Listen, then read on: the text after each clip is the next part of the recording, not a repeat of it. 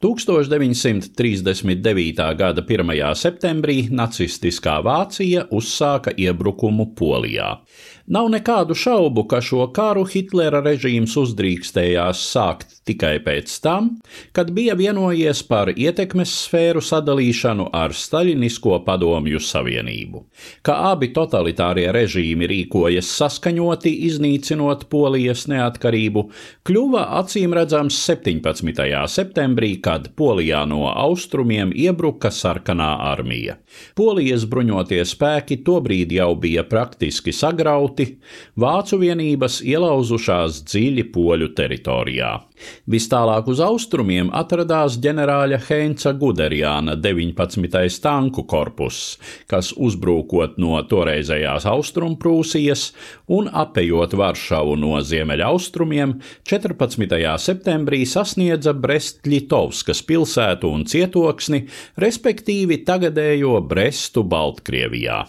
Cietoksnis pēc tā laika militārajiem standartiem bija krietni novecojusi fortifikācijas būve, tomēr ģenerāļa Konstantija Plisovska komandētais poļu garnizons to aizstāvēja pret vācu pārspēku trīs dienas, pēc tam izlaužoties dienvidrietumu virzienā.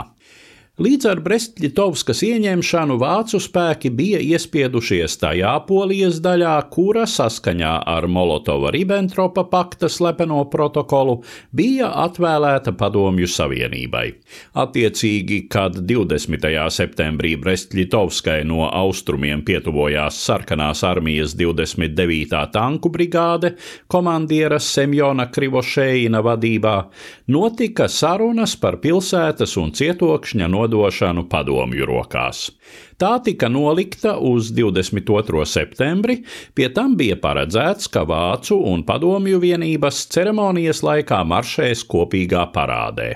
Vēlāk gan Krivošeins lūdza šo scenāriju mainīt, tādējādi, ka maršēs tikai vācieši, savukārt sarkanarmieši izvietojušies parādes maršrutā salutēs ar karogiem. Savās atmiņās Krivošēns raksta, ka esot bažījies vai viņa vienības, kas tikko bija veikušas strauju pārgājienu cauri polijas austrumdaļai, neizskatīsies pagurušas līdzās vāciešiem, kas bija vairākas dienas baudījuši atpūtu. Iespējams gan, ka padomju komandiera lēmumam bija arī citi motīvi, proti nevēlēšanās tik klāji demonstrēt draudzību ar režīmu, kas līdz gluži nesenām laikam padomju savienībā bija uzskatīts par darbaļaužu valsts ļaunāko ienaidnieku. Šā vai tā, bet 1939. gada 22. septembrī Brestļitovskas nodošanas ceremonija noritēja draudzīgā atmosfērā Kombrigam Krivošeinam un ģenerālim Guderiānam plecu pie pleca noskatoties garām maršējošajās Wehrmachta vienībās, pārlidojošajos Luftwaffe iznīcinātājos, sekojošajā nacistu reiha karoga nolaišanā un padomju karoga pacelšanā celšanā. Abi komandieri laipni sarunājās franču valodā, kuru abi prata. Savulaik vēstures literatūrā, tā izskaitā krievu autoru darbos, minēts, ka līdzīgas parādes notikušas arī šur tur citur, uz vācu un padomju sfēru robežas - Bjalistokā, Pinskā, Grodņā, Ļvovā. Šobrīd gan Krievijas oficiālā historiografija to kategoriski noliedz, uzstājot, ka nesot saglabājušās nekādas liecības bet parādi Brestļitovskā, lai kā gribētos, par nebijušu padarīt nevar.